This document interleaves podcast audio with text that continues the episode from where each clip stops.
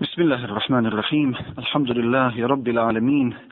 ونصلي ونسلم على خاتم الأنبياء والمرسلين سيدنا ونبينا وإمامنا وقدوتنا وحبيبنا وقرة أعيننا محمد بن عبد الله وعلى آله وأصحابه ومن والاه. سبحانك لا علم لنا إلا ما علمتنا فعلمنا ما ينفعنا وانفعنا بما علمتنا وزدنا فقها وإخلاصا وصدقا في الدين. ونور اللهم قلوبنا بنور الفهم والمعرفة واليقين وثبتنا على دينك وطاعتك وطلب العلم ومحبة النبي محمد صلى الله تعالى عليه وآله وسلم حتى نلقاك وأنت راض عنا يا رب العالمين وبعد Poštovani slušalci, draga braćo i sestre u dini islamu, assalamu alaikum wa rahmatullahi wa barakatuh. Meni je drago da mogu e, da učestvujem večeras e, u serijalu, dakle, ovom serijalu koji se emituje putem talasa Radija Naba, koji ima za cilj e, da se progovori o liku i dijelu Hazreti, e, Hazreti Rasulullaha Muhammada sallallahu alaihi wasallam. Ja ću u ovom večerašnjem e, obraćanju koje ima više dijelova pokušati da se osvrnem na ovu temu, dakle poslanik sallallahu alaihi wasallame kao svjetska ličnost. Muhammed sallallahu alaihi wa je, poštovani slušalci, doista svjetska ličnost. Za nas, e, muslimane, u to nema nimalo sumnje, nikakve sumnje. Jer po naučavanju Islama, Muhammed sallallahu alaihi wa sallam, posljednji Allahu poslanik. I on je poslan lin nasi kjafetan, kako se to naglašava u svim, dakle, relevantnim izvorima Islama, svim ljudima, svim ljudima. Još od samog početka svoje misije, svoje časne poslaničke misije, Muhammed sallallahu alaihi wasallam se obraćao cijelome svijetu. Dakle, on sebe nije ograničavao na određeno vrijeme, niti na određeni narod. U svojim iskazima ni jednom riječu nije priznao ni rasnu, ni klasnu nejednakost. Naprotiv, on je još prvog, od prvog momenta proklamuje apsolutnu jednakost od svih ljudi. Možda je najbolji dokaz proklamovanja te apsolutne jednakosti sadržan u 13. majtu sure Al-Hujurat u kojem Allah Đelešanu kaže staizu billah Ja ejuhan nasu inna khalaqnakum min zekarin wa unsa wa ja'alnakum šu'uban wa qabaila li ta'arafu inna akramakum inda Allahi atqakum O ljudi, mi smo vas od jednog muškarca ili mi smo vas od muškarca i žene stvorili i plemenima i narodima vas učinili da biste se upoznavali da biste se upoznavali, kaže Allah Đelešanuhu, ne da biste ratovali, da biste prolivali jednim drugima krv, da biste tlačili jedni druge, nego da biste se upoznavali.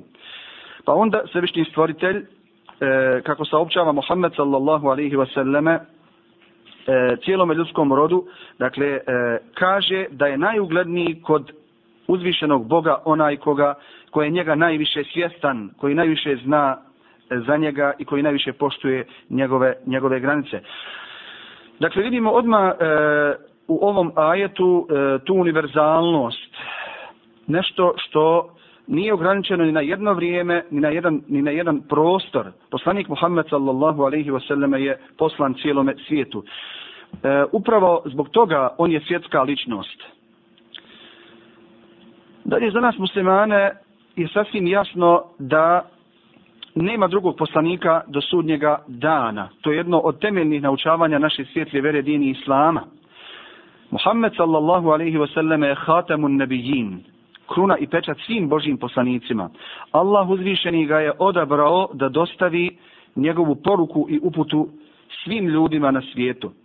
Slanje Muhammeda sallallahu alaihi wasallame najveća je milost i blagodat gospodara svjetova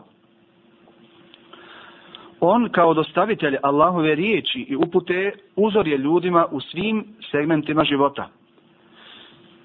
Zbog toga je poznavanje poslanikovog životopisa od izuzetne važnosti za svakog čovjeka. Za muslimane, zbog toga što ne mogu biti pravi vjernici, osim ako se ugledaju u lik i dijelo, odnosno život Muhammedov sallallahu alaihi wasallame, A također to je važno i za nemuslimane, zbog toga što bi trebali da prije konačnog suda o Muhammedu sallallahu alaihi wasallame da upoznaju njegov život i dijelo. Upravo zbog toga je, poštovani slušalci, veoma važno, dakle, e, slušati e, predavanja o liku i, dijela, i dijelu Hazreti Rasulullaha Muhammada sallallahu alaihi wasallam.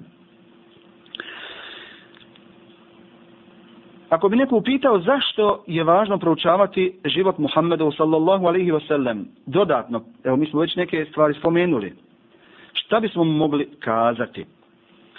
Postoji više odgovora koji bismo mogli ponuditi, a ja ću ovo pokušati ovdje neke od njih sada da artikulišem. E, s obzirom da je čovjek dualno biće, to jest da ima tijelo i dušu, ljudski život se dijeli na dva različita pola, na materijalni i duhovni.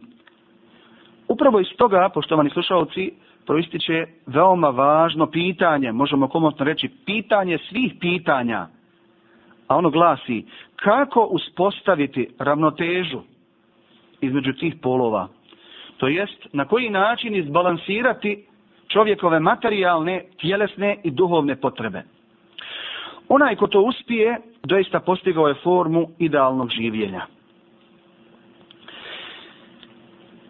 Idejni vođa čovječanstva morao bi dakle naći harmoničnu ravnotežu između, između tih polova, te onda ostalim smrtnicima sobstvenim životom dati primjer takvog življenja. Povijest nam nudi bezbrojne primjere kraljeva, učenjaka, svetaca i ostalih iznimnih ličnosti, čiji životi mogu poslužiti kao uzor.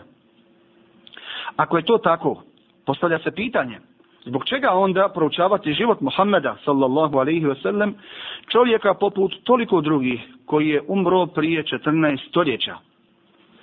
Pogotovo ako se ima u vidu da je od tada znanost nevjerovatno uznapredovala, a uvjeti života su se iz temelja izvijenili.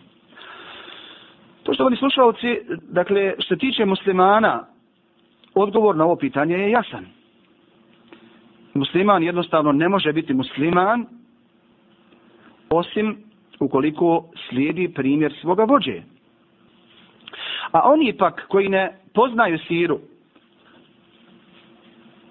životopis Muhammeda sallallahu alaihi wasallam, dobro je podsjetiti na neke na neke činjenice. A mi u svjetlu ovoga zapravo vidimo koliko je poslanik Muhammed sallallahu alaihi wasallam važna i značajna ličnost, svjetska ličnost.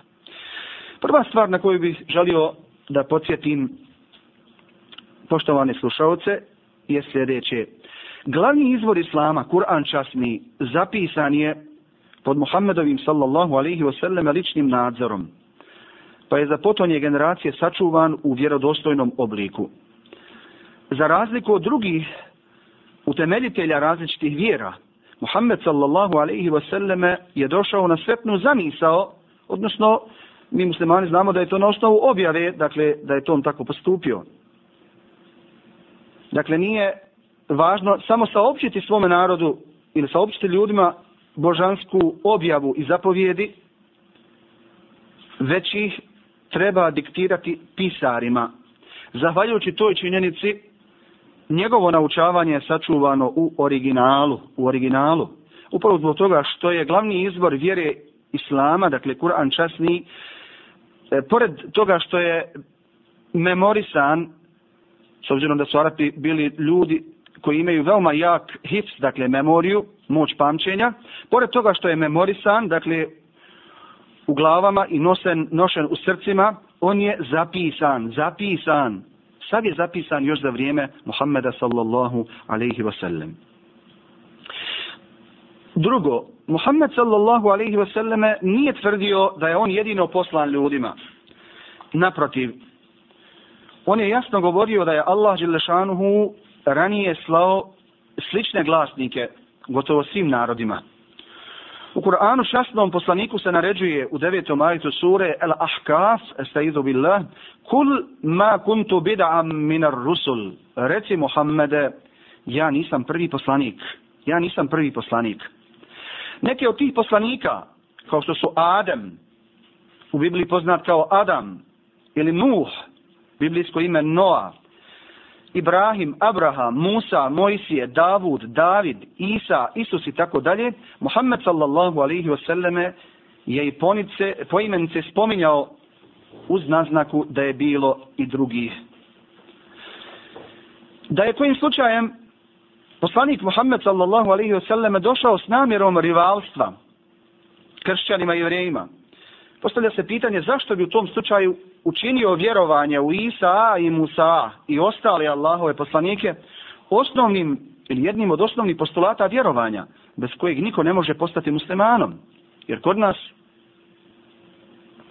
muslimana to je jasno kazano lanu farliku bejne ahadim mer rusulih, mi ne pravimo razliku nije ni među dakle ne pravimo nikakvu razliku među Božijim Đelešanuhu vjesnicima Dakle, Muhammed sallallahu alaihi wa sallam nije tvrdio, nije tvrdio da je on, jedino on, Božji vjesnik i, i poslanik. On je za sebe zadržao jedino ulogu obnovitelja vječite istine i učenja starih poslanika, koje se tokom povijesti uslijed brojnih previranja, ratova i drugih razloga malo pomalo iskrivilo i izgubilo svoju autentičnost. Upravo ovdje, poštovani slušalci, možemo sagledati, dakle, jedan veoma važan aspekt e, u kontekstu ovog govora, dakle, o Muhammedu sallallahu alaihi wa sallame kao svjetskoj, kao, afedačnom, kao svjetskoj ličnosti. Dakle, Muhammed sallallahu alaihi wa sallame za sebe zadržava jedino ulogu obnovitelja vječite istine, vječite istine, koji je uzvišeni Allah Đelešanuhu slao tokom povijesti ljudima, a koja se uslijed brojnih, dakle, nesretnih okolnosti kao što ratovi, previranja, e, antagonizmi i tako dalje, malo pomalo iskrivila i izgubila e, svoju autentičnost. Sljedeća činjenica na koju želimo podsjetiti, dakle, ili skrenuti pažnju, jeste da povijest ljudskog roda, povijest ljudskog roda, dakle, obiluje primjerima velikih kraljeva, osvajača, vojskovođa, reformatora, isposnika i tako dalje. Međutim, većina njih je djelovala u samo jednom smjeru. Tako je recimo Napoleon uzor vojskovođama ili kako se treba ratovati i pobjediti u ratu, na primjer. Ne znam, Šekspir je uzor e, onima koji se bave pisanjem e, ili nekim scensim scenskim komadima, recimo, na pozorišnim komadima i tako dalje. Dakle, većina tih ljudi, velikih ljudi, dakle, tokom povijesti, e, djelovala je u jednom smjeru, dakle, ili je bila prepoznatljiva, prepoznatljiva e, u jednom području. Rijedak je slučaj da se različite značajke nađu u jednom čovjeku, A upravo to je značajno za Muhammeda sallallahu alaihi wasallam, koji je svoje učenje i prakticirao, te je ono i na taj način uravnoteženo vlastitim iskustvom. To vlastito iskustvo je vrlo, vrlo značajno. Jer mi imamo primjere brojnih filozofa i mislilaca koji su kazali lijepe misli ili su imali lijepe zamisli, ali to oni nisu u svome životu prakticirali, nisu sproveli u dijelo tako da oni nemaju, dakle, ne mogu biti e, uzor potonjim generacijama u nečemu što nije uravnoteženo, dakle, njihovim vlastitim e, iskustvom. Sljedeća činjenica jeste to da je život Muhammeda sallallahu alaihi wasallam bio besprijekoran. On je krenuo ni od čega. U sredini koja je bila zavađena među plemenskim sukobima i ratovima da bi nakon deseta godina izgradio državu površine 3 miliona kvadratnih kilometara. 3 miliona kvadratnih kilometara. Dakle, gotovo cijelo arabijsko poluostrvo, pa čak i šire, bilo je u okrilju islamske države koju je poslanik Muhammed sallallahu alaihi ve sallam, dakle, čak i južne oblasti Irana i Palestine, odnosno Šama. Kao osvajač Poslanik Muhammed sallallahu alaihi wasallame postigao je savršenu pokornost, a palo je svega nekoliko stotina ljudi s njegove i protivničke strane. Ovo što što iznosim konkretno su rezultati jednog pomnog i preciznog istraživanja koje je sproveo veliki muslimanski naučnik e, pakistanskog porijekla koji živi u Francuskoj, dr. Mohamed Hamidullah. Tako u svome, u svojoj velikoj monografiji, u dva velika toma, dakle, o životu i dijelu Muhammeda sallallahu alaihi ve selleme, iznosi upravo ove podatke. Dakle, da je poslanik sallallahu alaihi ve selleme za vrijeme ratova koje on vodio, dakle, e, protiv onih koji su htjeli da ga unište, jer oni su poveli zapravo rat protiv njega. To su bili ratovi odbrambene naravi, naravno. Palo je svega nekoliko stotina ljudi s njegove i protivničke strane. Muhammed sallallahu alaihi wa sallam je zapravo mnogo više vladao srcem nego tijelom ljudi. Postigao još za života veliki uspjeh, o čemu svjedoči skup veći od 100.000 ljudi kojim se obratio na Arafratu za vrijeme oprosnog hađa desete godine po Hidžri. Na tom skupu, dakle, imali smo ljude i koji nisu bili Arapi, kao što je Bilal Habeši, kao što, se, što je Suhejb Rumi, Suhejb koji vodi porijeklo odavde s naših prostora, prostora Bizantije, Bizantijskog carstva. Ili kao što je Selman al-Farisi, Selman Ferzijanac i tako dalje. Što također govori o univerzalnosti njegove, njegove poruke. A ono što je kazao na oprosnom hađu doista može poslužiti kao relevantan primjer e, ljudima, svim generacijama koji će, do njega, nakon, koji će poslije njega doći. Također želio bih skrenuti pažnju na još jednu činjenicu. A to je da se Muhammed sallallahu alaihi wa sallam nije postavio iznad zakona koje je tražio, dakle koje je nametno vjernicima. Naprotiv, on je davao milostinju sadaku, postio i klanjao namaz više nego što je to zahtijevao od svojih sjedbenika. Bio je pravedan i milostiv čak i prema svojim najljučijim neprijateljima, kako u ratu, tako i u miru. I sedmu činjenicu na koju želim e, ukazati ovdje, e, a ona glasi, učenje Muhammeda sallallahu alaihi wa sallame zadire u sva područja ljudskog života. Dakle, u vjerovanje, duhovni život, moral, ekonomiju, politiku, ukratko u sve što se tiče kako osobnog, dakle ličnog, a tako i kolektivnog, odnosno sve što se tiče i duhovnog i svjetovnog života. U svemu tome poslanik, sallallahu alaihi wasallame, sudjelovao i ličnim primjerom. Zbog svega navedenog, poštovani slušalci, bilo bi dobro kada bi oni koji nisu muslimani proučili život Muhammeda, alaihi salam, prije nego što izreknu sud o njemu i naučavanjima njegove svijetle vjere dini Islama.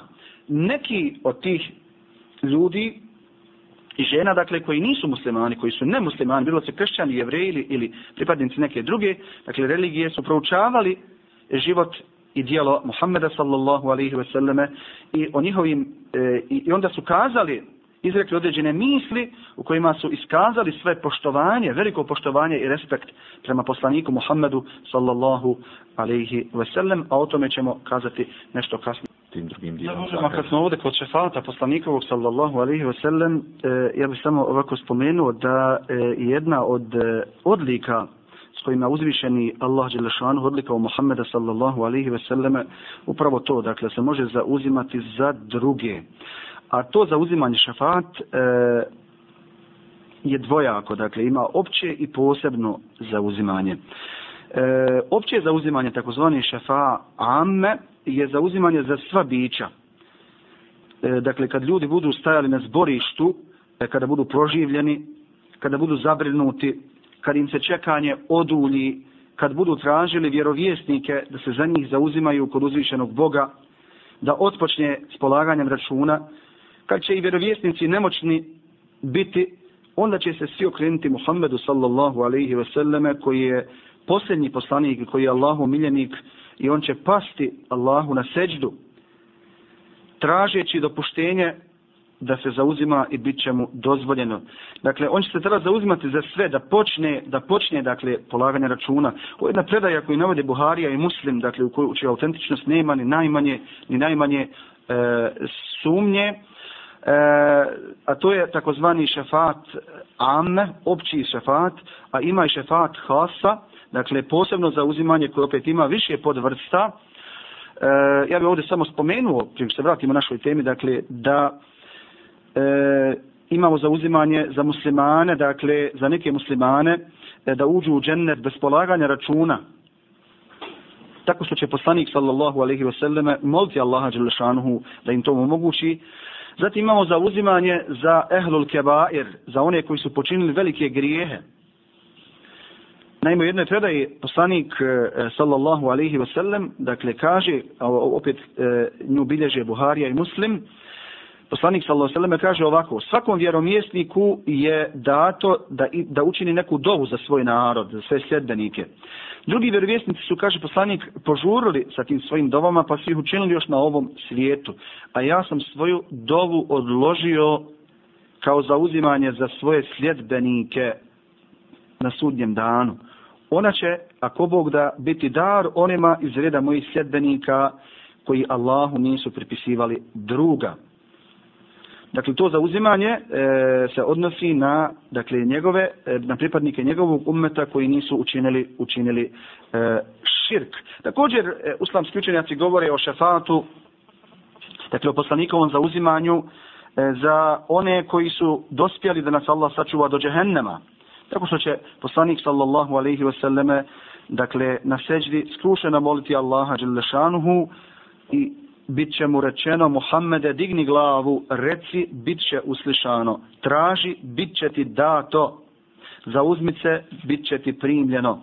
Poslanik će reći, gospodaru, moji sljedbenici, moji sljedbenici, a bit će mu kazano, idi i izvedi onoga u čijem, u čijem srcu ima vjere i kao zrno i kao zrno ječma.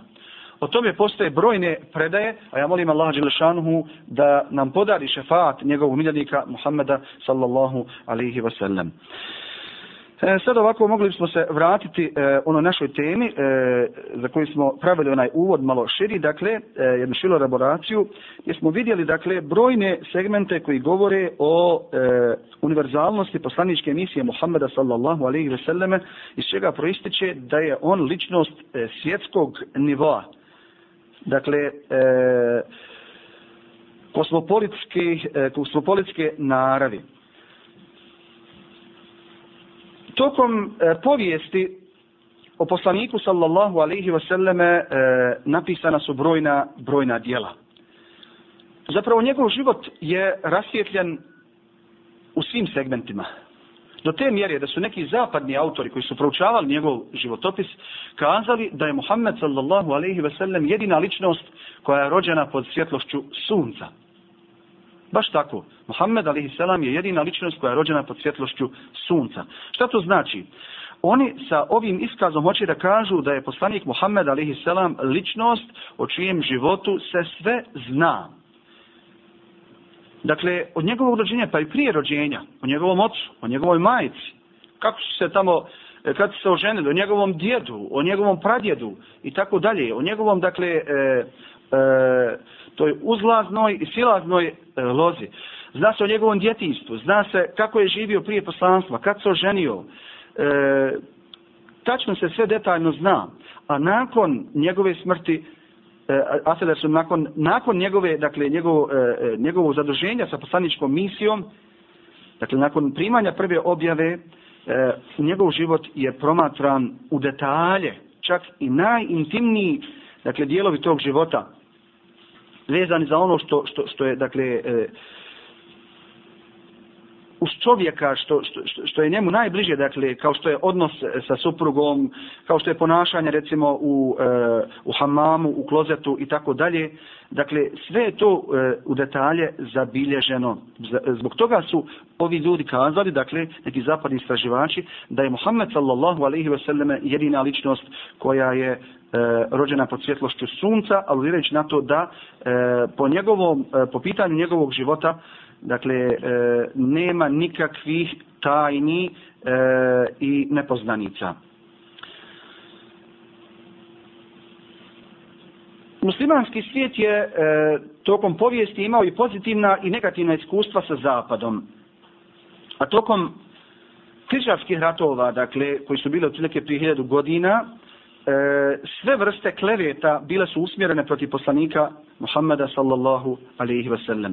Međutim, e, pojavom modernog doba, e, koje je u znatnoj mjeri obilježeno, dakle, e, ili bi trebalo biti obilježeno vjerskom tolerancijom i slobodom misli, desila se određene promjene u pristupu zapadnih autora, o životu i karakteru poslanika Muhammeda sallallahu alaihi ve sellem. Dakle, ovdje mislimo naravno na ozbiljne autore, ljude koji su poštovani na samom zapadu, a ne na one e, novinare, dakle, e, e koji pišu u novinama kao što su Jelans Postan ili e, Magazinet i tako dalje.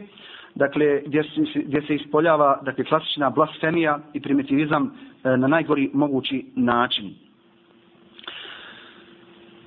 Tako recimo, ja sam malo ovo istraživao područje, pa sam e, došao do interesantnih e,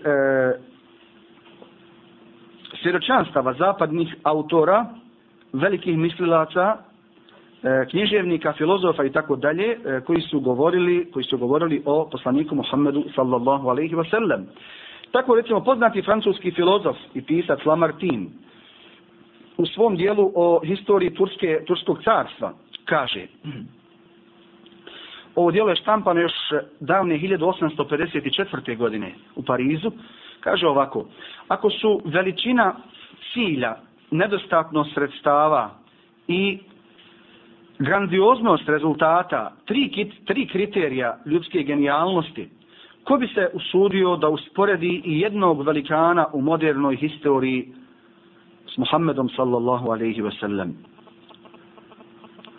Najpoznatiji ljudi pravili su, kaže dalje ovaj autor, oružje, kreirali zakone i stvarali države. Oni su ustanovljavali, ako ima išta od svega toga, ništa više do materijalne moći, koja, su, koja je čisto propadala dakle, pred njihovim očima. Ovaj čovjek, dakle, Muhammed a.s. nije pokretao samo velike vojske i donosio velike pravne odluke i stvarao carstva, ljude i dinastije, već je pokretao milione ljudi u jednoj trećini tada otkrivenog svijeta. Čak više od toga, on je pokretao, što je najbitnije, dobro, pokretao je ideale, prosvjećenost i prosvjetenost duše i tako dalje njegova ambicioznost e, i ustrajnost u cijelosti je bila posvećena jednoj ideji i na jedan način i ni na jedan način nije težila dakle samo uspostavljanju e, materijalnog dakle carstva ili vojnog carstva. Njegove beskrajne molitve, odnosno namazi, mi muslimani kažemo namazi, njegovi mistični razgovori s Bogom, njegova smrt i njegova pobjeda nakon smrti, sve to dakle svjedoči e, o tome ko je on bio.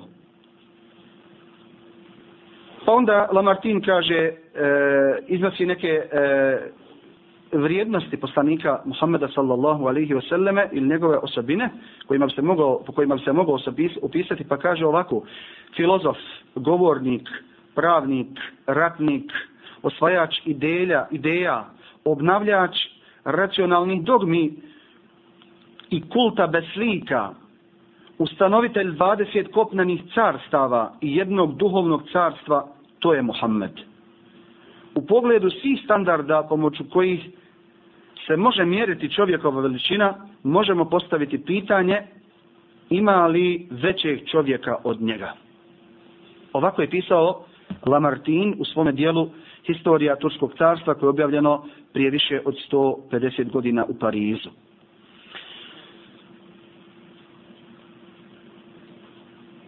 Jedan drugi uh, autor, a riječ je o Edvardu Gibbonu, odnosno dvojica autora, Edvard Gibbon i Simon Oklaj, uh, u svom dijelu e, koji se zove e, Historija Arapskog carstva, On dakle govori o pod, pod pojmom Arapa, oni misle prvenstveno na muslimane ovdje, koji je štampan u Londonu 1870. godine, zabilježili su e, sljedeće. Nije propaganda, već istrajnost njegovog vjerovanja koje zaslužuje naše čuđenje. Isti, čisti i savršeni utisak koji on ustanovio u Mekki Medini, da se čuvaju, dakle, e, nakon revolucija od 12 stoljeća od strane indijskih, afričkih i turskih preobraćenika,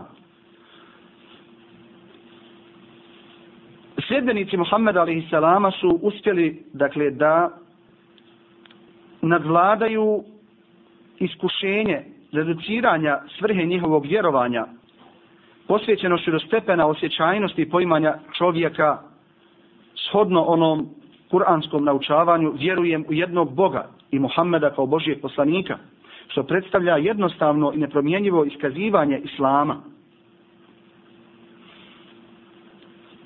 A jedna druga spisateljica, dakle na zapadu, koja se zove Ani Besant, e, je u svom dijelu e, The Life and Teachings of Muhammad e, o životu, dakle i učenju Muhammeda alaih napisala dijelo objavljeno u Madrasu 1932. godine, nemoguće je svakom ko proučava život i karakter velikog poslanika Arabije, koji poznaje način na koji je on poučavao i kako je živio, da ne osjeti ništa drugo do poštovanje prema tom moćnom poslaniku, jednom od velikih poslanika uzvišenog Boga.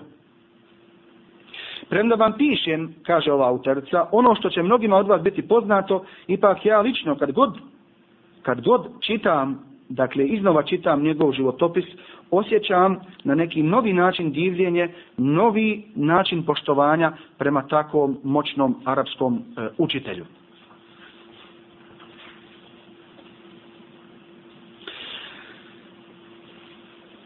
Vat Montgomery Vat e, u svom dijelu Mohameda Tmeka, e, objavljenom dakle, u, na Oxfordu 1953. godine, e, pisao je dakle, o Muhammedu, o liku i dijelu Muhammeda sallallahu alaihi ve sellem. Između ostalog on kaže, njegova spremnost da preuzme posljedice e, svoga vjerovanja, to jest da sam prakticira ono u šta poziva, zatim njegov visoki moralni karakter, čovjeka koji je vjerovao e, dakle e, zatim veličina njegovog krajnjeg postignuća.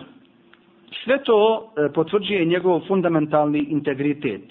Sumnjati u Muhammeda kao onoga koji je nametao nešto putem sile e, rađa više problema nego što ih rješava.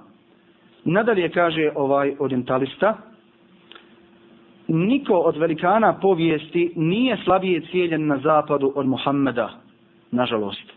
Niko od velikana povijesti svijeta nije slabije cijenjen na zapadu od Muhammeda, alaihi salam. Interesantno je, poštovani slušalci, da je jedan e, američki e, pisac, a riječ je od, e, od Michelu Hartu, e, napisao, dakle, prije više od 20 godina e, knjigu o sto velikana ljudskog roda i onda je na prvo mjesto stavio upravo Muhammeda sallallahu alaihi wasallam. On je obrazlažući taj izbor kazao između ostalog sljedeće. Moj izbor da Muhammed predvodi listu svjetskih najutjecajnijih osoba može iznenaditi neke čitaoce i može biti osporavan od strane drugih. Međutim, on je bio jedini čovjek u historiji koji je bio podjednako uspješan kako na vjerskom, tako i na svjetovnom i na svjetovnom planu. Dakle, Muhammed sallallahu alaihi ve selleme je upravo, dakle, e, svjetska ličnost, ličnost svjetskog ranga, upravo zbog toga što je e, uspio odgovoriti na ono važno pitanje. Dakle, kako uspostaviti između E, ravnotežu između dakle e, čovjekovih različitih polova, to jest kako izbalansirati čovjekove materijalne, tjelesne i duhovne potrebe. Muhammed sallallahu alaihi ve selleme je to, zahvaljujući objavi koju je dostavio od gospodara svjetova, uspio izuzetno, izuzetno dobro da uradi i evo ovaj autor dakle, uh, Hart, uh, je objavio knjigu 1978. godine u New Yorku u kojoj je uh, svrstao poslanika sallallahu alaihi ve selleme dakle kao najveću ličnost u povijesti ljudskog roda on je izabrao dakle stotinu velikana pa je onda e, stavio dakle na, na njihovom čelu da je najveći među njima upravo Muhammed sallallahu alaihi ve sellem pa onda to obrazlaže upravo ovom činjenicom dakle da je Muhammed alaihi selam uspio postaviti taj balans dakle između čovjekovih e, fizičkih dakle materijalnih i duhovnih potreba. Mogli bismo navoditi još neke e, zapadne autore. Evo recimo, na primjer, e, jedan ruski književnik e, koji je imao, koji je poznavao arapski jezik, a to je pisac Lav Nikolajević Tolstoj, on je poznavao izuzetno dobro arapski, arapski jezik i za sebe je govorio da je hadimula arabijeti wa ulumiha fi bidadir Rus. Tako sam ja u jednoj biografiji dakle, našao da se on potpisuje da je on izmečar arapskom jeziku u dakle, ruskim pokrajinama. E, on je u jednom svom dijelu napisao sljedeće. Nema nikakve sumnje u to da je, da je vjerovjesnik Mohamed jedan od najvećih reformatora čovječanstva. Pripada mu najveća slava, jer je on čovječanstvo uputio istinskom svjetlu, pravdi i miru, jer je spriječio prolijevanje nedužne ljudske krvi i tako otvorio put ka napretku i civilizaciji ovo veliko dijelo nije mogao izvesti niko drugi do čovjek koji je imao nadnaravnu snagu, čovjek koji je dostojan svakog poštovanja, divljenja i pažnje. Vjerovatno su ovakva zapisivanja, dakle, i ovakvi napisi e, poštenih ljudi na zapadu naveli Bizmarka, dakle, da kaže Muhammede, žao mi je što nisam bio tvoj savremenik. A jedan drugi evropski filozof i mislilac, e, koji se zvao Bernard Shaw, kazao je, u sadašnje vrijeme mnogo mojih sunarodnjaka iz Evrope prelazi u Muhammedovu vjeru i može se reći da je obraćanje Evrope u islam već počelo. Ovo su riječi Bernarda Shawa.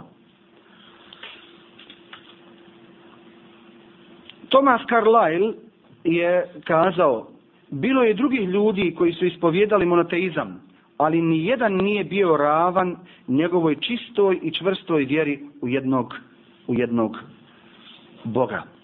Ovo su, poštovani slušalci, dakle, e, svjeročanstva ljudi sa zapada, koji su e, govorili o poslaniku sallallahu alaihi wasallam. Ovo su primjeri dakle, koje je potrebno ovako imati u vidu, jer nažalost, kada se posmatra današnja hajka koju vode mnogi zapadnjački mediji protiv islama i muslimana, gdje se e, muslimani prikazuju u najgore mogućem svjetlu i gdje se skrnavi, dakle, e, čak ličnost i dijelo Muhammeda sallallahu alaihi ve selleme, dakle, ne samo njegovo dijelo, već i ličnost, njegov lik putem prikazivanja i objavljivanja e, onih e, karikatura, kao što su učinile danske novine, pa poslije kao znak saradnje sa njima, dakle, e, odnosno e, pomaganja i e, solidarnosti i ostale druge i ostale brojne novine, dakle, diljem Evrope, potrebno je ove svjetle primjere istaći, jer e, nije dobro da se na takav način, dakle, e, zapadnjaci ili određeni zapadni mediji odnose prema poslaniku Islama, prema čovjeku koji i kako ima šta da ponudi tom moralno posrnulom zapadu, čovjeku, dakle, koji je poslan svim ljudima kao znak Božije milosti i čija naučavanja su i kako važna za ljuda u savremenom dobu, čiji je život degradiran, o čemu svjedoči osjećaj zebnje, straha, tjeskobe, nemira i mučnine e, koju osjećaju mnogi ljudi u današnjem svijetu. Život savremenog čovjeka je, dakle, dehumaniziran. A najbolji primjer toga je enorman porast kriminala i zločina na svim stranama svijeta kao i odavanja raznim, raznim porocima i nemoralu. Zato je poslanik Muhammed a.s.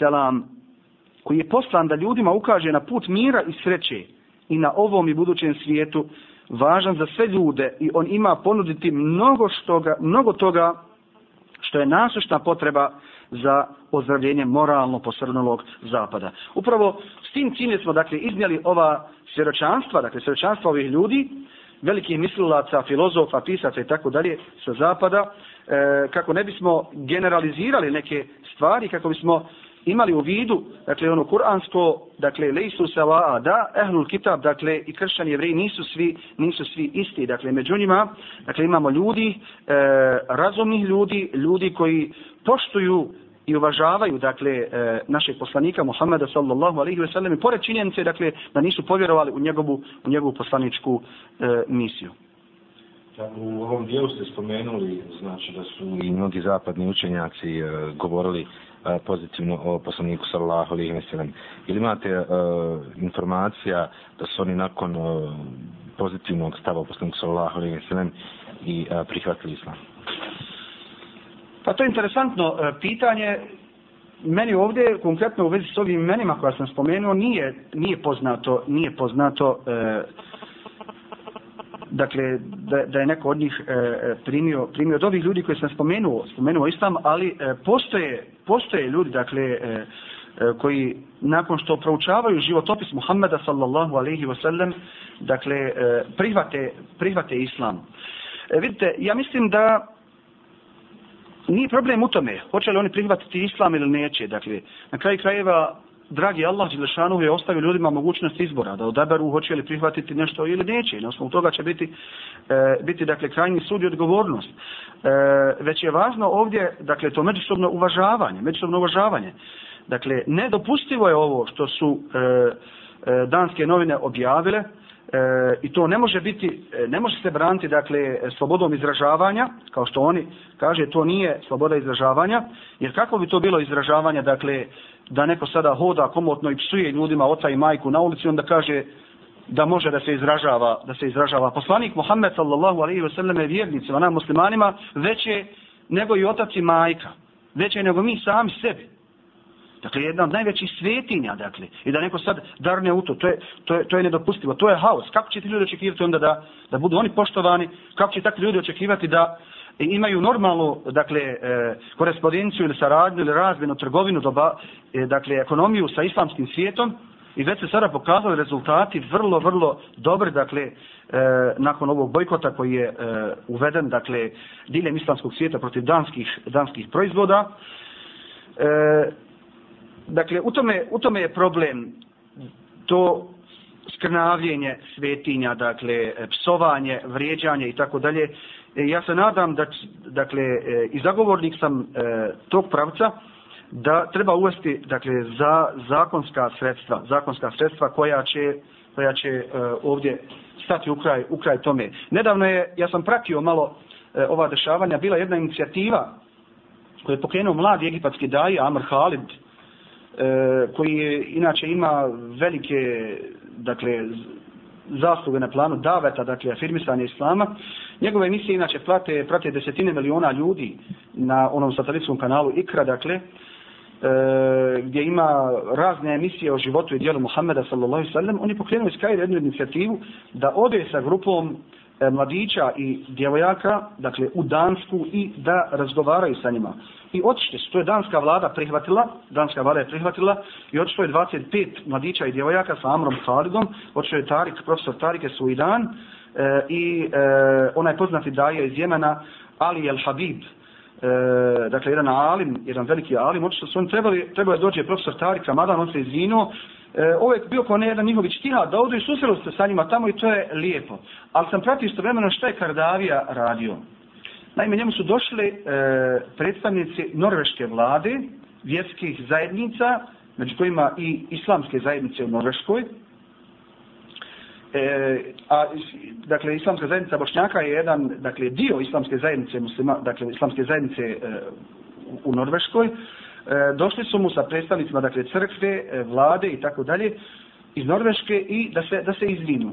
Norveška vlada je, ovdje treba istaći, dakle, imala e, skroz drugačiji, e, dakle, tretman razmatranja ove, ove, ove problematike od danske, danske vlade, koja je odbila da se izvine. Znači će to branila, ne znam, nekakvim slobodama izražavanja i psovanja, dakle, e, najvećih svetinja. E, kad su mu došli tamo, on je primio u Dohi, dakle, primio u, svo, u svojoj rezidenciji tamo, e, i onda su mu donijeli e, taj papir izvinjenja preveden na arapski jezik. On je kazao onda, nemojte mi to na arapskom, dajte mi to na, na tom vašem jeziku. Na tom vašem jeziku kojim vi govorite norveškom, e, pa ćemo mi to prevesti. Dobro, taman, vi dajte nama na vašem jeziku što ste napisali, mi ćemo to prevesti. I onda je Kardavi izašao, e, cijenjeni šehi Jusuf Kardavi izašao da održi konferenciju da i pitali su ga da li prihvata to izvinjenje, pa je rekao da on to samo načelno prihvata. Načelno, E, zašto? Zbog toga što je potrebno, kaže da se, dakle, e, nije dovoljno samo verbalno ili formalno izvinjenje sa jezikom, dakle, već je potrebno uvesti zakonske sankcije, dakle, sankcionicati oni koji takve blasfemične, dakle, sadržaje objavljuju, e, i zabraniti to e, putem zakona, pa tek onda će se, e, dakle, potpunosti moći prihvatiti e, to izvinjenje i moći ćemo da imamo saradnju i da, i to, i da, da živimo, dakle, u dobrosusjedskim e, od, o, odnosima malo smo se udaljili od, od ovog našeg glavnog pitanja. Dakle, meni nije e, dakle, poznato niko od ovih autora ovdje da je on primio islam, ali na kraju krajeva, dakle, e, nema sumnje, važno je da neko primi islam. Mi želimo da svi ljudi prihvate e, islam, jer je to e, dakle, e, pravi put e, na koji je pozivao Muhammed sallallahu alejhi ve sellem i svi rani Boži Allahovi poslanici, e, svi rani Boži Đelešanu, a da su poslanici, Ali u ovom sadašnjem kontekstu, dakle, e, veoma je bitno dakle, da se neke stvari urede, da se neke stvari urede zakonski, zakonski. Možda je e, E, slučaj e, holokausta i onoga u vezi s njim, dakle, najbolji primjer kako se neke stvari mogu urediti. Danas na zapadu se ne smije sumnjati da govoriti u, dakle, da nije bilo 6 miliona ne samo u zapadu, nego u svijetu, da nije bilo 6 miliona, dakle, žrtava, 6 miliona ili više jevrija da nije poginulo u onim komorama i proganjanjima cionističkog režima. Dakle, to su stvari koje ne smiju čak i naučnici da samo ako počnu da raspravljaju o njima, evo nedavno je nastradao ovaj jedan engleski naučnik koji je koji je uhapšen, koji je uhapšen ovaj David, eh, kako se zove, ne mogu se sjetiti, koji je nastradao, nastradao zbog, zbog toga. Da, s obzirom kakve su bile reakcije muslimana u svijetu nakon pisanja ovih e, časopisa, kako vi vidite e, tu situaciju? Da li e, opravdavate, da li to objektivno i bilo očekivati tako? Eh, kako vi u stvari vidite da su muslimani tolerirali? Pa vidite, ovdje, eh, dakle, odmah treba reći da je ovo jedno veliko iskušenje i za nemuslimane i za muslimane e, iskušenje za muslimane s tog aspekta što e, ovo što je urađeno sa, dakle, u vezi sa e, skrnadjenjem lika e, ili ličnosti Muhammeda sallallahu alaihi wa sallam, dakle, nijedan musliman E, ne smije biti ravnodušan naspram toga. Ovo je jedno, jedno, jedno, jedan veliki ispit i doista vaga svima nama. Onaj kome je svejedno, svejedno, što se skrnavi lik Muhammeda sallallahu alejhi ve sellem, dakle naše svjetnje najveće, onda takva osoba s njenim imanom nije nešto u redu. Treba preispitati svoj iman. Ima u tom srcu ušte imana. Dakle, Muhammed sallallahu alejhi ve selleme jedna od najvećih svjetinja. U islamu nema svetaca. Poslanik islama nije svetac, kao što ima razumijevanje svetaca, dakle, i, kao, posto, kao što to postoje nekim drugim, dakle, e, religijama i svjetonazorima. Ali u islamu postoje svetinje. Po slovu Kur'ana, Muhammed sallallahu alaihi ve selleme, rahmetullahi lil alamin. Dakle, e, milost gospodara svjetova ukazana, dakle, e, ukazana svim stvorenjima. Wama arsalnake illa rahmetan lil alamin. Tebe smo poslali samo kao milost svim svjetovima. Interesantno je ovdje da Allah Đelešanuhu, dakle, koji je gospodar tih svjetova i koji u tim svjetovima dariva stvorenjima, svakom stvorenju ono što, što mu treba. Ne spominje ništa od tih svojih blagodati, nego spominje ovu krunsku blagodat, dakle slanje poslanika Muhammeda sallallahu alaihi wa sallam, koji je kruna i pečat svim ranim poslanicima. Dakle, kad govori o manifestaciji svoje milosti, Allah Đelešanuhu samo kaže da njegove blagodati da ih ima puno, da se ne mogu pobrojati. Nema broja koji bi mogao obuhvatiti Allahove blagodati ali onda ne, ne navodi te blagodati, nego u kontekstu govora o manifestaciji svoje milosti e, kaže da je njegova milost, dakle, slanje poslanika Muhammeda sallallahu e, alaihi wa sallam. Zato je, dakle, trebalo, trebalo e, reagovati. Ovdje, naravno, e, mi ne opravdavamo ono što se desilo spaljivanje ambasada e, i tako dalje, e, ali e, izlazak na demonstracije, mirne demonstracije, dakle, e, iskazivanje svoga nezadovoljstva, dakle, e, e, je svakako nešto što je potrebno i ja bih ovdje iskoristio priliku večeras, dakle, kad govorimo o ovoj temi, da kažem ono što e, su neki naši mediji, dakle, konkretno časopis Novi Horizonti su to prenijeli, Naime, postoji setva islamskih učenjaka e, u kojima se kaže da je ovaj bojkot, bojkot, dakle, konkretno danskih proizvoda, dakle, e, proizvoda države koja e, je podržala e, blasfemiju, dakle, i e, objavljivanja ovih E, sadržaja ovako uvredljivih za muslimane, da je obaveza, da je, da je vađiv. To je e, šta više nešto što je najmanje što možemo da uradimo. Dakle, u situaciji kad možemo da biramo, da biramo, dakle, da neki proizvod neke druge zemlje ili pogotovo naš domaći ako imamo da ga uzmemo, ali danski da nećemo, upravo zbog tih pobuda, I to se u ovoj fetvi navode, to vađi obaveza, dakle, u ovakvoj, u ovakvoj e, konstelaciji. Ova dešavanja, nažalost, su pokazala da ima mnogo problema E, koje muslimani trebaju e, da, da rješavaju, a mene je zabrinulo, dakle, ovo zahlađivanje, ponovno zahlađivanje odnosa između istoka, e, dakle, između muslimanskog svijeta na istoku i zapada, zapada, e, koje je nastupilo još od 2001. 2001. Pa onda je pomalo počelo da se neke stvari e, polako sliježu i da se neke stvari e, kristaliziraju i razvrstavaju i tako dalje. E onda sad je ponovo, ovdje su dakle ponovo jedna, jedna e, svjetska hajka dakle protiv e, muslimana i protiv poslanika islama i sada se e, su u situaciji da se skreće pažnja. Dakle, mnogi, nažalost, analitičari dođu sada i pričaju kako muslimani nisu trebali da, da, da, da, da reaguju, kako ne valja su muslimani uradili. A, ne, a neće da kažu ili nekako stidljivo govore kako, e, kako je ovo što su uradili, dakle, kako, ovo što su danske novine uradili, kako nije, kako nije dobro. Dakle, molim vas, ovdje se ne treba miješati stvari, brkati, brkati stvari, zokretati. Ovdje su danske novine učinile, dakle, e, blas, blasfemiju, klasičnu blasfemiju, dakle, skrnavile su muslimansku svijetnju. To treba neko da, da snosi e, dakle, konsekvence takvog postupka. E, kada se desi demonstracije, kada ljudi izađu na ulicu, onda je jako teško kontrolisati. Dakle, u takvim, mi imamo utakmicu, pa na utakmici poginu ljudi, polome se tamo, ne znam, ovaj, desi se na utakmici gdje, gdje, gdje, gdje nema, ovaj, nije, nije ve u pitanju vjera, dakle. E, ili će se ove stvari regulisati zakonskim, zakonskim, dakle, sredstvima, a primjer holokausta je najbolji e, i ona može biti dakle e, uzor u tome kako se neke stvari mogu urediti dobro i kako se ne smije u njih dirati e, ili će biti ili će biti haos dakle i, i, i, i, i smutnja velika na zemaljskoj kugli. E, poštovani slušatelji, pratite Radio Nava.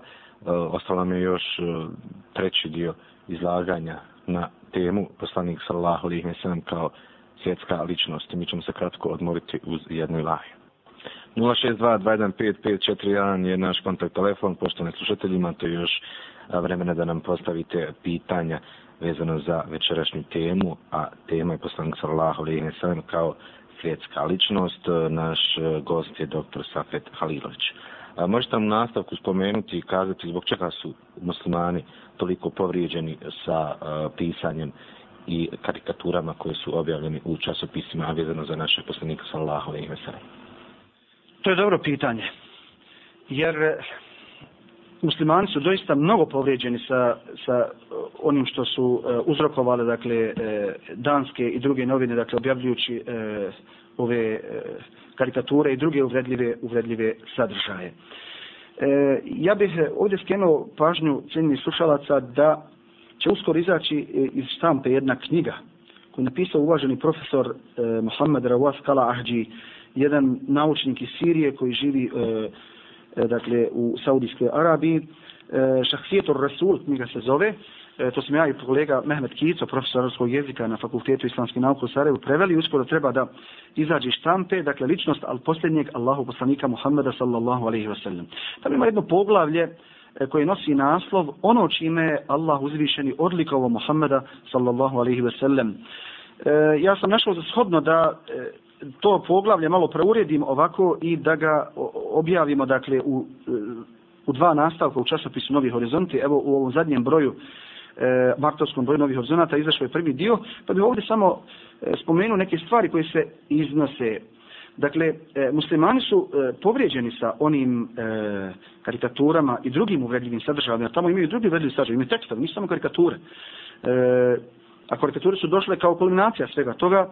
Dakle, zbog toga što se darnulo ili dirnulo u nešto što, što, što, što, je, što je puno sveto, što je... Dakle, poslanik Muhammed alihi selam, e, da bi neko bio musliman, dakle, mora izgovoriti dakle, dva šehadeta. Šehadet, e, dakle, posvjedočiti dva svjedočanstva. Prvo svjedočanstvo je da je samo Allah Bog, a drugo svjedočanstvo jeste da je Muhammed Allahov, Allahov rob i poslanik. Dakle, postoje specifičnosti kojima je uzvišeni Allah odlikovao svog poslanika za budući svijet, kako bi bio očuvan u sjećanju i trajno poštovan. Također postoje posebnosti kojim ga je uzvišeni Allah odlikovao na ovom svijetu.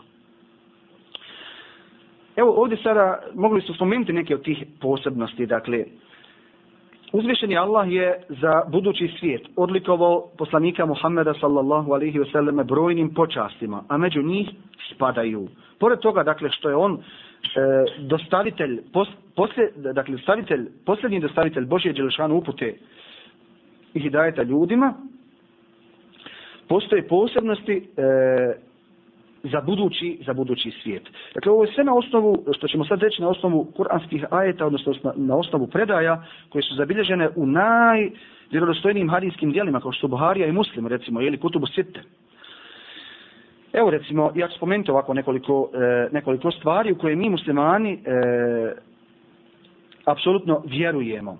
Prenosi muslim u svome sahihu od Ebu Hureyre, E, da je Allahu poslanik sallallahu alaihi wa sallam ja ću biti starješina Adamovog potomstva na sudnjem danu.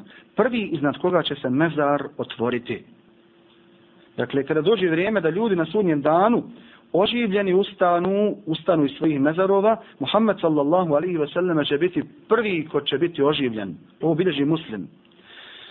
Već smo spomenuli dakle ovo zauzimanje e, poslanika sallallahu alaihi ve sellem. jedna od specifičnosti E, poslanikovih ili Muhammedovih alaihi selam jeste da se on može zauzimati za druge. E, spomenuli smo da imaju dva zauzimanja. Ima dakle šefa amme, opće zauzimanje šefa hasa. Ovo opće zauzimanje se odnosi na sva stvarenja, na sve ljude, dakle bili oni muslimani ili ne muslimani, a tiče se dakle e, početka polaganja računa, dakle kada ljudi budu stali na zborištu, kada budu zabrinuti, kada im se čekanje odulji, kada budu molili druge vjerovjesnike da mole uzvišenog stvoritelja započne sa konačnim sudom, pa niko neće to smjeti, onda će se Muhammed sallallahu alaihi ve selleme zauzeti, e, dakle, i zamoliti stvoritelja i njegovo zauzimanje će biti primljeno. A posebno zauzimanje jeste, dakle, zauzimanje za, e, za vjernike, to je za njego, sljedbenike njegovog e, ummeta.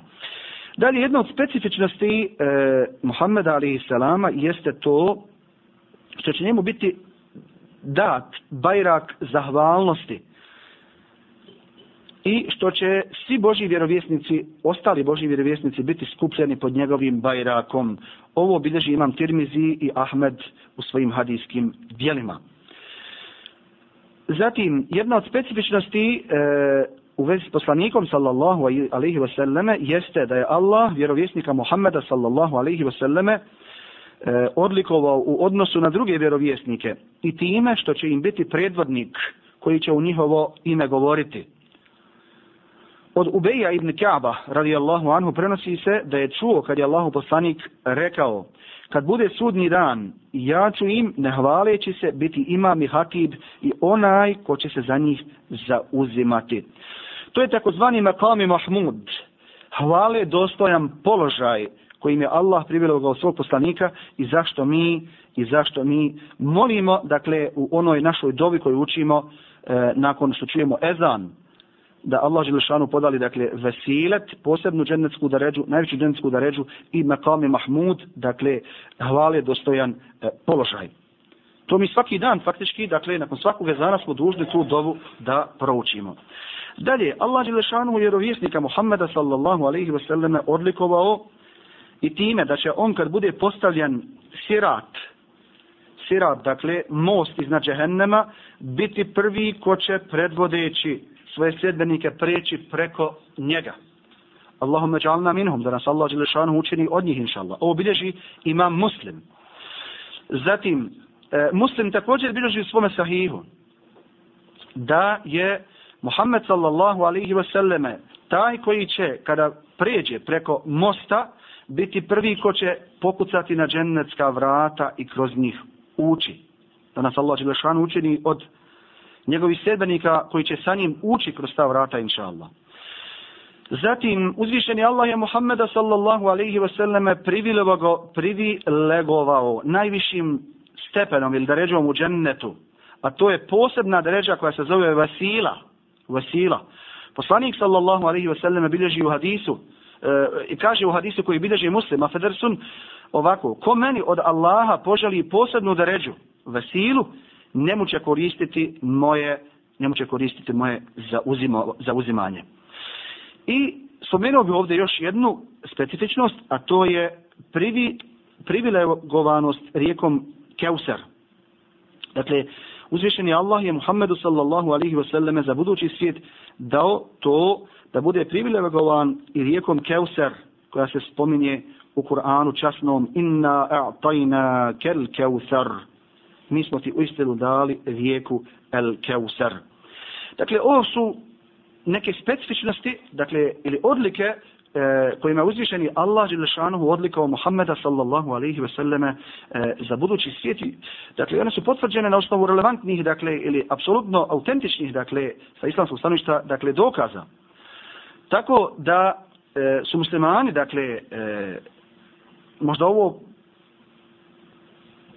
u znatnoj mjeri odgovara na ovo pitanje zašto su muslimani povrijeđeni. Zbog toga što su dakle dirnuli u nešto što je doista puno, puno svijeto i mnogo važno, nešto što je posebno odlikovano, a to je Hazreti Rasulullah Muhammed sallallahu alaihi wa sallam. 062-215-541 je naš kontakt telefon, poštovani slušatelji. Nakon eh, možda minut do dva kratke pauze mi ćemo nastaviti sa ovim dijelom naše emisije koji je predviđen za odgovor na vaša pitanja.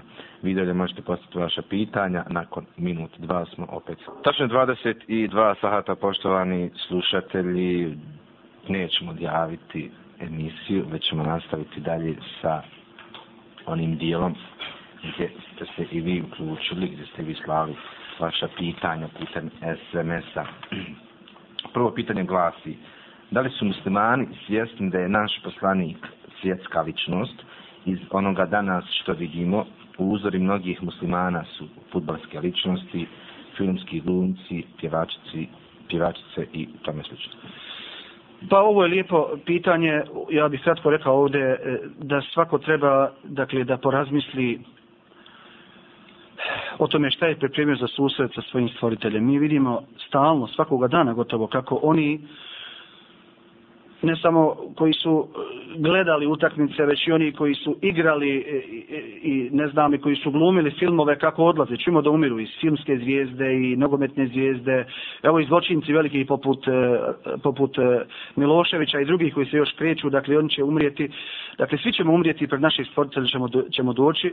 Danas je vrijeme u kojem su vrijednosti poremećene, a dužnost muslimana i muslimanke, dakle svakog vjernika i vjernice jeste da e, porazmisle o tome šta su prave vrijednosti u njihovom, u njihovom životu. Nama, muslimanima, je vrijednost, dakle, ono što je naučavao, u što je pozivao poslanik Muhammed sallallahu alaihi wa sallam.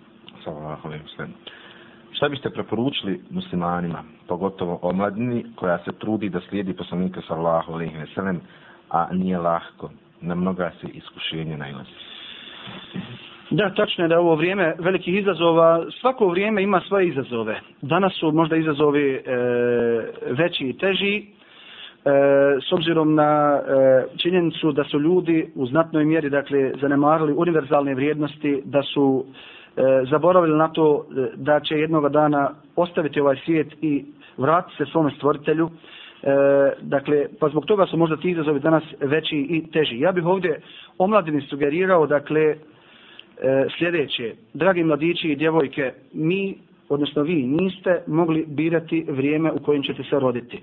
Allahova Đelešanhu mudrost Dakle, odredba je to da se mi rodimo sada dakle, na ovim prostorima i u ovom vremenu. I mi Allahu moramo zahvaljivati na tome. Ali bih ovdje kazao, dakle, da tačno je da izazovi kad su veliki, dakle, tačno je sljedeće, što su veći izazovi, veća je nagrada kod Allaha Đelešanu ukoliko čovjek prebrodi te, e, e, te izazove. Spomenuo bih, e, dakle, da mi to da mi u životu Božje poslanika sallallahu alejhi ve selleme imamo također dakle izazove na koji su nailazili ashabi imamo tamo velika mučenja kojima su bili izloženi dakle sjetimo se Azreti Bilala Hazreti Sumeje sjetimo se Hababa ibn al-Aratta i drugih radijallahu anhum koji su velike dakle velike e, bili, koji su bili izloženi velikim mukama i mučenjima pa su sve to e, izdržali. Treba, dakle, educirati se u svojoj vjeri, treba učiti e, o svojoj vjeri i ja bih savjetovao mladićima i djevojkama da e, se nauče, dakle, nositi sa ovim dunjalučkim problemima na taj način što će postati dobri ljekari, dobri inženjeri, dobri pedagozi, dobri e, pravnici, dobri učitelji i tako dalje, a u isto vremeno njegovati, njegovati dakle, ove vjerske osjećaje i izvršavati one temeljne, temeljne dužnosti, a one nisu uopšte teške. Naša vjera je lahka, dakle pet dnevnih namaza, post mjeseca Ramazana i tako dalje. I sa Allahom, Đelešanuhom pomoći prevrćamo ćemo mi ove, e, ove probleme. Sljedeće pitanje glasi, danas je teško stanje u kojem se nalaze muslimani. Šta nam vaš gost može reći da bi nas ohrabrio? E, doista stanje u kojem se nalaze muslimani danas nije zahvalno i pohvalno. Ako pogledamo samo e, rijeke izbjeglica i prognanih, i ako vidimo dakle, ta žarišta e, u svijetu, vidjet ćemo da su muslimani e, u velikoj mjeri, dakle, upravo ti koji se e, protjeruju iz svojih domova, da se njihova e, krv prolijeva, da se njihova zemlja okupira i, i, i, i tako dalje. Pa ovdje bih kazao, dakle, sljedeće, mi se trebamo e, problemi umeta su iznad toga da bi ih mogao popraviti jedan čovjek ili jedna generacija. Ja sam, dok sam bio student na Lazharu Kairu, imao jednog šeha, profesora, dakle, koji se zvao profesor dr. Mohamed Abdul Gafur Mustafa. On je inače jedan od stručnjaka za kerajete, preselio na Ahiret, da mu Allah podari džennet i makfiret svoj. E, Pa sam ga pitao ovako nekakav se sa njim druži, dragi profesore, recite nam Maulana, dragi šehu, kako ove probleme danas da nadzadamo i savladamo, šta nam savjetujete? Pa bi on reci ovako, sinko, problemi umeta su veći da bih mogao riješiti jedan čovjek ili jedna, jedna dakle, generacija. Ali treba gledati da čovjek radi one poslove gdje je Allah postavio. Mi smo odgovorni za ono što smo preuzeli, onaj mandat, za posao koji radimo. Što to znači? To znači da e, trebamo se usavršavati u svojoj oblasti. Ako studiramo, biti, da budemo dobri studenti. Ako radimo posao da pošteno, čestito radimo. Ako e, smo preuzeli nekakve obaveze da izvršavamo e, najbolji mogući najbolji mogući način jer to je sfera našeg e, našeg e, dakle e, naše odgovornosti a uvaženi šejh Muhammed Al-Gazali je jednom prilikom na jednom skupu gdje sam ja prisustvovao a prisustvovao je i gospodin Daniel Bučan, hrvatski ambasador, dakle, jedno vrijeme bio hrvatski ambasador u Kairu, a ovo je bio skup u Kairu, upravo, dakle, e, pa je ovako ših El Gazali kazao jednu stvar. Kaže, ja sam čitajući e, historiju Filipa Hittija, tog e, arapskog kršćanika, kršćana iz Libanona koji živi u Americi, koji je pisao, dakle, poznati historičar i povjesničar, e, koji ima mnoga, mnoga dijela, dakle, e, iz e, iz tog područja napisana na engleskom jeziku, pa onda su prevođena na sve ostale svjetske jezike, napisao u jednom od svojih dijela da je negdje sredinom 11. stoljeća e, kaže ovako kjana kullu še in bi nehajete dini Muhammed krajem sredinom e, e, afedar sam malo sam ovaj, kako smo u dužo, duže u emisiji pa sam malo se dekoncentrisao dakle sredinom 11. stoljeća svaka stvar na zemaljskoj kugli je govorila da je gotovo sa muslimanima. Kjana kullu shay'in ju'zinu bi nihayati dini Muhammed. Svaka stvar je govorila gotovo više sa muslimanima. Razjedinjeni, podijeljeni, križarski ratovi e, i tako dalje. E, urotili se e, jedni protiv drugih, zavjere prave i tako dalje. E, ništa i neće moći više izbaviti iz toga. Onda je poslije isti historičar zapisao, kaže Šehel Gazali, e, koji je čitao to njegovo dijelo, da nije prošlo nešto malo više od pola stoljeća, a da nije svaka stvar na zemaljskoj kugli govorila kako muslimane neće niko zaustaviti. To jest kako novu ekspanziju e, muslimana u domenu znanosti, nauke, prosvjetiteljstva e, i tako dalje, dakle i op, promoviranja općeg dobra neće moći niko, niko zaustaviti, zaustaviti. Pa eto, mislim da, dakle, da, da, da u svjetlu ovoga smo ovako ponudili odgovor na ovo pitanje. Allah neće promijeniti stanje jednog naroda dok on sam sebe ne promijeni. Mnogo toga bi mi muslimani u Bosni i Hercegovini trebali promijeniti. Od čega prvo da krenemo? Treba početi od sebe. Prvo od sebe, dakle, e, i mijenjati sebe. I one koji su e, u sferi e, dakle, naše odgovornosti, dakle, ako smo oženjeni naše supruge, našu djecu e, i tako dalje. Dakle, treba mijenjati, mijenjati sebe. A kako, kako ćemo mijenjati sebe? Dakle, pa mijenjat ćemo e, tako što ćemo e, zanijetiti, inša Allah, prvo da hoćemo da budemo bolji, pa onda e, pokušavati odvikavati se od ružnih navika, od ružnih navika. A jedna od ružnih navika jeste recimo da se ne klanja, da se ne klanja namaz. Bez namaza doista teško očekivati neki dakle hajer. Tamo gdje se ne klanja, dakle, ona osoba koja ne klanja učenjaci raspravljaju da li je musliman ili nije musliman. Takva osoba, dakle, o tom imaju rasprave među, među učenjacima i šta s takvom osobom e, uraditi. Dakle, evo, zanijetiti da se klanja namaz, da se klanja namaz, inša Allah, ta'ala. Zatim, e, nastojati e, svoju djecu e, izgraditi tako da budu bolji od nas, da budu bliži svojoj vjeri, da budu E, obrazovaniji od nas, da budu svjesni sebe, ko su, šta su, gdje su. Dakle, da budu svjesni e, da je ovaj život zadaća koju treba ispuniti. A ne tek tako, dakle, da prođe on i nikom, nikom ništa.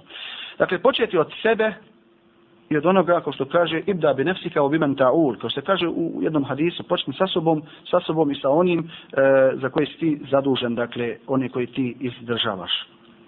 Sljedeće pitanje je vezano za šefat. Čime mi možemo zaslužiti šefat poslanika sallallahu alaihi wa Poslanik sallallahu alaihi wa sallam u jednom hadisu kaže e, ne mogu se sjetiti sad na arapskom, e, ali pokušat ću ovako da to je dozvoljeno kad, je pitanju, kad su u pitanju hadisi da ga prepričam, da će e, svi njegovi e, sljedbenici dakle, e, dobiti njegov šefat, njegov zauzimanje, illa man eba, ovo mi je ostalo ovako sjećanje ovaj dio hadisa, illa man eba, osim onih koji to odbiju, koji to odbiju. Pa su ga pitali Allah poslanče, ko bi to mogao da, ko bi normalno odbio tvoj šefat, tvoje zauzimanje kod Allaha uzvišenja, ti si Allahu miljeni, kod Abranik. Pa onda kazao Hazreti Rasulullah sallallahu sallam, onaj ko, kome slijedi, dakle, ko slijedi na put na koji ja pozivam, E, on će zaslužiti moj šefat. A onaj ko neće da slijedi taj put, ko neće da slijedi taj put, onda je, dakle, on je, e, on, e, on to, on odbija moj, moj šefat. Dakle, mi možemo zaslužiti šefat Allahu poslanika sallallahu alaihi wasallame upravo popravljajući sebe, nastojati popravljati svoje stanje, nastojati, nastojeći da e, popravimo svoje stanje, nastojeći da e, svoju djecu e, osposobimo da budu spremni za život. Dakle, da ih pošaljemo u Mekteb, da nauči o svojoj vjeri, jer smo odgovorni za njih. Zatim da se interesujemo za njih e, kud hodaju, s kim se druže, šta rade i tako dalje. E, da... E, Dakle, brojni su, brojni su eh, dakle, elementi koji, na osnovu kojih mi možemo zaslužiti šafat Allahu poslanika Muhammeda sallallahu alaihi wa sallame. Ja bih ovdje e, skrenuo jednu, e, jednu e, pažnju ciljnih slušalaca na jednu, na jednu stvar. Ja inače predajem na Islamskoj pedagoškoj akademiji Zenci Siru, dakle životopis e, Allahu poslanika sallallahu alaihi ve selleme, e, pored tefsira, dakle u lume Kur'ana, što je me uzao specijalnost, dakle, ali glavni izvor sire, životopisa Allahu poslanika sallallahu sallam ve selleme je upravo Kur'an, E, pa je po tom osnovu meni povjeren ovaj predmet, a evo sada i ovaj serijal pišem, dakle i prevodim ove neke knjige, što mi je dobro došlo ovako da pobliže još izučim neke stvari i podsjetim se na neke stvari koje smo nekada davno čitali i izučavali. Pa ima jedan moment u siri se spominje kad je Hazreti Rasulullah došao u Medinu, učinio hijđru. I sada Ensarije, oni koji su dočekali muhađire, zovu se Ensarije, pomagači. Sad su oni izašli i da dočekaju poslanika. Pa tada je nastala ona lijepa pjesma Ilahija, Tala al Bedru Alina, ovaj, e, i tako dalje. E, onda su dolazili poslaniku da donose svoje darove. Poslanik je, bilo mu je dozvoljeno da prima darove, dakle, da prihvata darove, e, hedije, dakle, nije mu bilo dozvoljeno da, da, da prima sadaku, niti zekijat, već hediju, dakle, mogu je da primi i da da hediju, također. I došla jedna žena. Dovala sa sobom dječaka. I kazala je, Allahu poslaniče, ja sam, kaže, žena tako, nemam nešto što im te mogla darovati. Evo ovaj je moj dječak, koji tada imao desetak godina. Ja sam ti ga dovala da te služi. Da te služi ovdje. Taj dječak je bio Enes ibn Malik. Enes ibn Malik radi Allahu anhu za njega je poznato da je hadimu Rasulillah, da je on sluga Allahu poslanika. On doista bio u Medini, dakle služio Allahu poslanika. Bio je, znao mnoge poslove obavljati i vrlo poslušan i on je ostao služeći poslanika sve cijelo vrijeme u Medini, dakle do poslanikove smrti. Negdje pred kraj, dakle poslanikovog života, on se malo ovako bio nekako povukao u sebe i poslanik ga je vidio jednom prilikom plaće. Plaće, vidio je Enesa. Plaće. Pa me došao poslanik i rekao Enese, šta ti je, što plaćeš? Pa Enes radi Allahu anhu još više rasplakao se. Pa onda poslanik da ga utješi sada, da, da, da, da vidi šta mu je, da ga nije šta povrijedio neko, da šta se desilo sa njim. I onda mu je kazao, Enes kaže Allahu poslaniće, ja sam razmišljao, ja tebe volim puno Allahu poslaniće, puno tebe volim. Ja uz tebe sam bio ovdje, ti nikada me nisi podviknuo, nikada nisi me povrijedio, vidio sam ko zavolio sam te puno. Allah na sudnjem danu kad dođemo tamo, ti Allahu poslaniće, evo spomnjali smo ovdje al-vasila, al-fadila, al-maqam al-mahmud, velike deređe, ti ode u najveće deređe, Allahu poslanče, gdje ću ja ostati?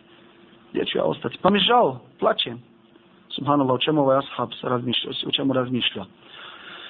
Pa mu je tada poslanik sallallahu alaihi wasallam kazao, Enese, nemoj plakati, el mar'u ma men ahab.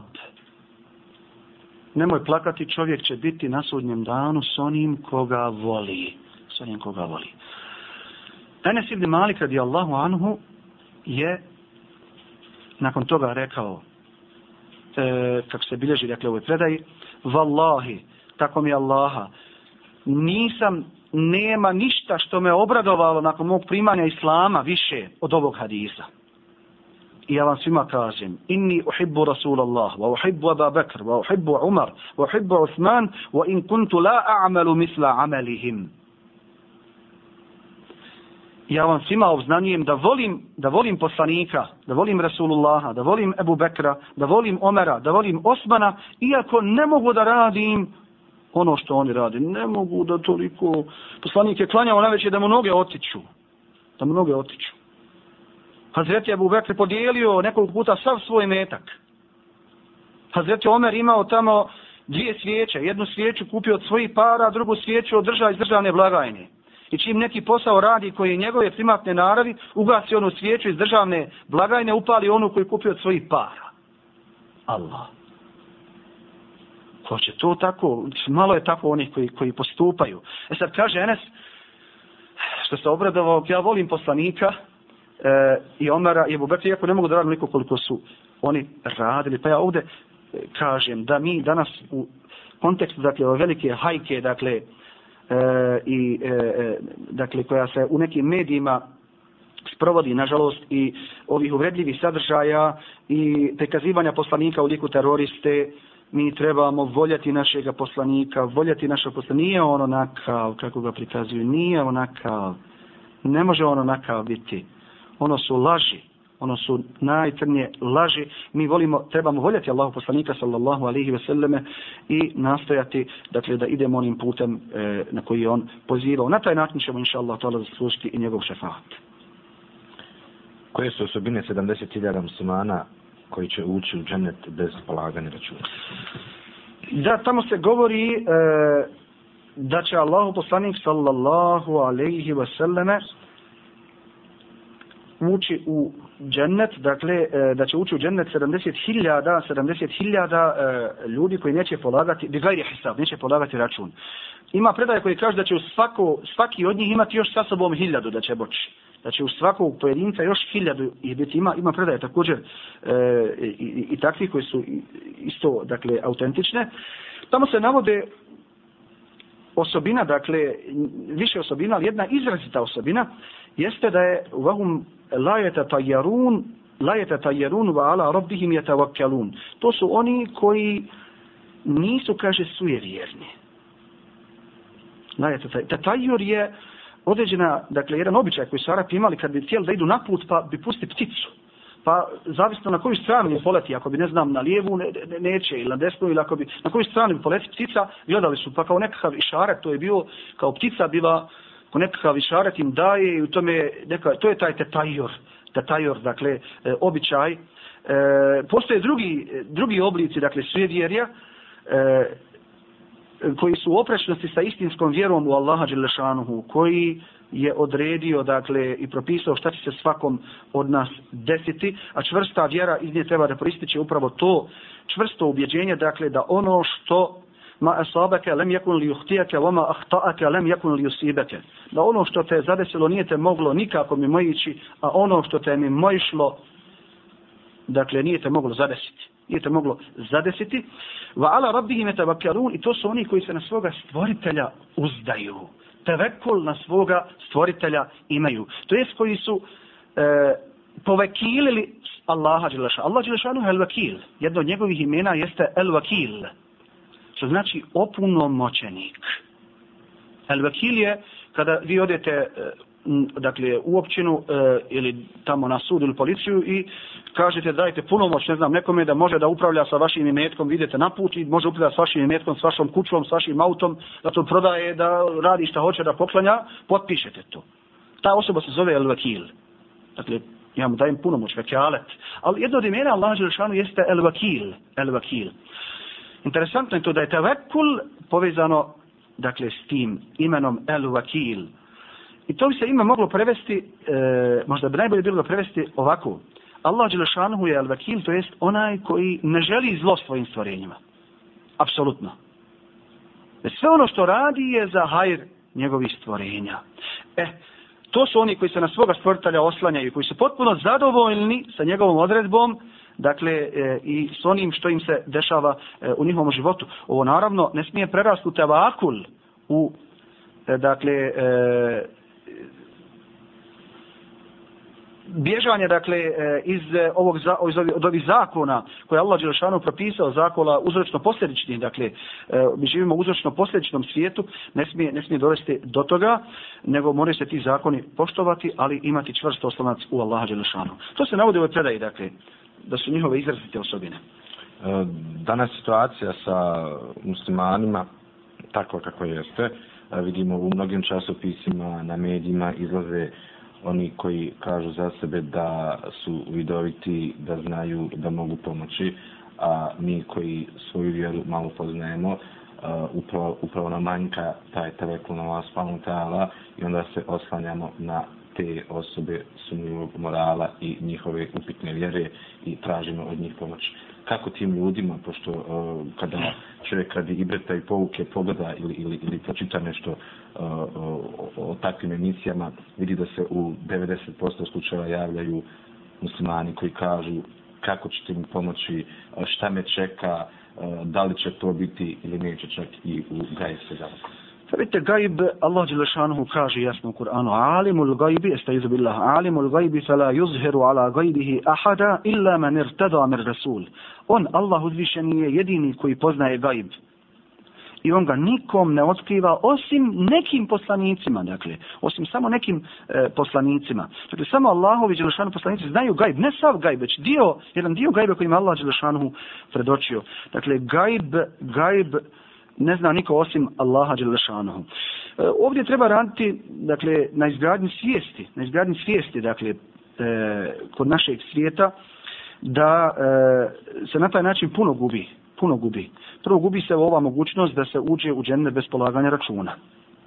Drugo, poslanik sallallahu alaihi ve sellem pozorava te koji dakle, oni koji to rade, koji proročuju gajbi, koji gataju i bave se sihirom i to, to je takve stvari izvode iz vjere da nas Allah Đelešanuhu sačuva, ali oni koji idu njima, poslanik njih upozorava. Pa ima jedna predaja koja ima tri verzije koje bi ovdje spomenuo. Ukratko, kaže ovako poslanik sallallahu alaihi ve selleme, sve su, sve tri su verzije su sahih, dakle, apsolutno autentične. Kaže, men eta urrafen fe saddaqahu fima jakul. La tukbal salatuhu arba'ina jevma. Ko ode vraćaru ili gataru ili onome koji ogleda ili gleda u karte, u dlan ili u finđan ili u ne znam, na neki drugi način, pa ga upita za nešto, pa mu povjeruje, a Federsun, pa mu povjeruje, neće mu namaz biti primljen 40 dana. Samo za to jedno. 40 dana, dakle, to osoba kao upita i povjeruje, to neće biti, neće biti primljen. U drugoj verziji kaže, la tukbel davatuhu arba'ine jeumen. Allah mu neće primiti nikakvu dovu 40 dana. A u trećoj verziji, koja je najopasnija, poslanik sallallahu alejhi ve sellem kaže: "Faqad kafara bima unzila ala Muhammed." Takva osoba je zanijekala na uzubillah kao da je kjafir postala. Zanijekala dakle ono što je objavljeno poslaniku sallallahu alaihi ve sellem. A to je ovamo smo rekli alimul gajb da Allah dželle zna zna za gajb. Dakle u onim sredinama gdje je vjera slaba, gdje vjera oslabi, onda je mogućnost dakle, za ovakve špekulacije i ovakve prevarante mogućnosti su velike, ali treba raditi na izgradnji, na izgradnji e, svijesti dakle, kod, kod našeg svijeta. Kada nam je sve jasno o ličnosti poslanika sallallahu alejhi ve sellem, šta je to što nas sprečava da ga slijedimo? Hoćemo li imati opravdanje kao što mnogi govore danas nije vrijeme?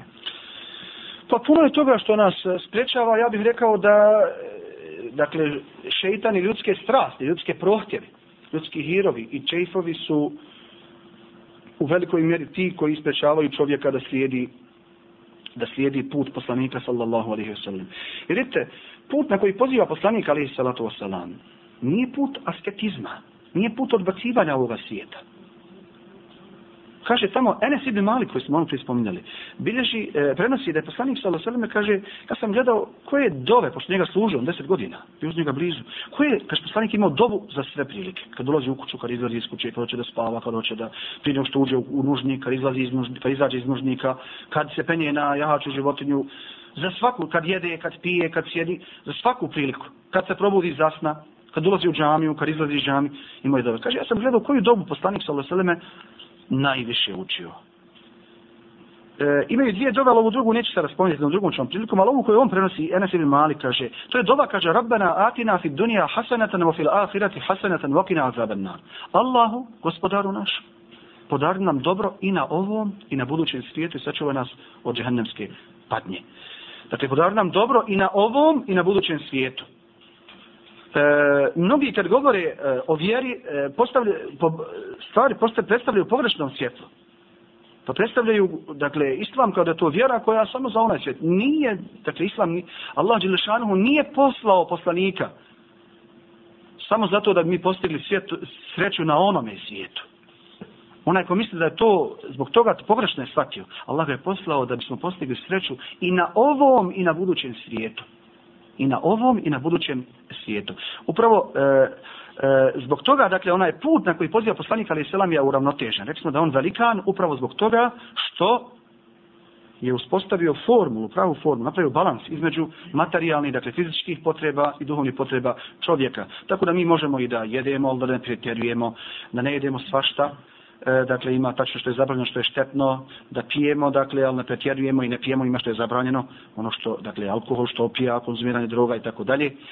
Dakle, put e, kojim, mi, ništa ne možemo izgubiti, možemo samo, samo dobiti, ali ljudske strasti su te koje čovjeka sprečavaju, dakle, i njegovi prohtjevi, e tu se treba učiti kontrolisati te strasti i e, te prohtjeve, dakle, e, e, tako regulisati, dakle, ili usmjeravati da slijede ono što je poslanik sallallahu alaihi wa sallame dostavio. Tako ćemo, inša Allah, ta'ala, moći da e, zaslužimo njegov šefat i da slijedimo njegov put. Pa Poštovani slušatelji, ima još vaši pitanja, ali a, vrijeme nam polako ističe i nećemo stići odgovoriti na sva vaša pitanja. Inšlo tjela, ako nam ostane prilike i vremena u a, još dvije emisije koliko je ostalo u ciklusu upozne svoga poslanika, vidjet ćemo da i na ta pitanja odgovorimo vaše, samo da ostanete uz ciklus do kraja. E, na kraju bih ja postavio pitanje profesoru, e, pošto vi ste profesor e, Sire, koju biste literaturu preporučili našim slušateljima o poslaniku sallahu alaihi sallam i izučavanju njegovog života? Vidite, o poslaniku Muhammedu sallallahu alaihi sallam napisane su hiljade knjiga. E, doista hiljade knjiga. Oni su pisali i muslimani i nemuslimani. Oni, ga koji, I oni koji ga vole i oni koji ga ne vole. I njegovi prijatelji i njegovi neprijatelji. E, kod nas ovdje imamo nekoliko izuzetno lijepih dijela koje su prevedena na naš jezik. E, ja bih konkretno preporučio e, sljedeća dijela. Dakle, e, poslanikov životopis od Ibn Hišama, to je klasično dijelo koje je nastalo u, dakle, e, negdje oko 200 godina ili 100, 180 godina posle poslanika Muhammeda sallallahu alaihi wasallam, dakle, koje je prevedeno na naš, na naš jezik, poslanikov životopis od Ibn Hišama, poznat kao Ibn Hišamova sira. Zatim bih preporučio e, zapečačeni džennetski napitak, Rahikul Mahtum, e, koje je također prevedeno, dakle štampano u izdanju Visokog saudijskog komiteta, dakle i dijeljeno je sa onim paketima, onim mektebama, dakle bibliotekama porodičnim, izuzetno korisno, korisno i dobro dijelo. Preporučio bih poslanika u životni put od Mustafa Sibaija, od Mustafa Sibaija, Također preporučio bih, e, ne zbog toga što ja pišem, ovaj, nisam bitan ja ovdje, već ovaj serijal koji izlazi u časopisu Novi horizonti, e, nešto što izlazi svakog mjeseca, i pe, dakle periodično ovako, e, već evo sada smo 16, 15 nastavaka, dakle 15. nastavak je izašao u ovome martovskom broju, gdje se detaljno iznosi, dakle, e, e, i govori o životu Božje poslanika, sallallahu alihi wasallame, gdje na jednom mjestu imamo sabrano mnogo toga iz raznih, raznih dijela, e, dakle, e, koja, koja, ne samo na našem, već na drugim mjestima, prvenstveno na arapskom e, jeziku. I naravno ovo dijelo koje smo već spomenuli, a koje je u pripremi za štampo, koje će uskoro izaći, a to je ličnost posljednjeg Allahovog poslanika, e, čiji je autor profesor dr. Muhammed Ravas Kalahđi.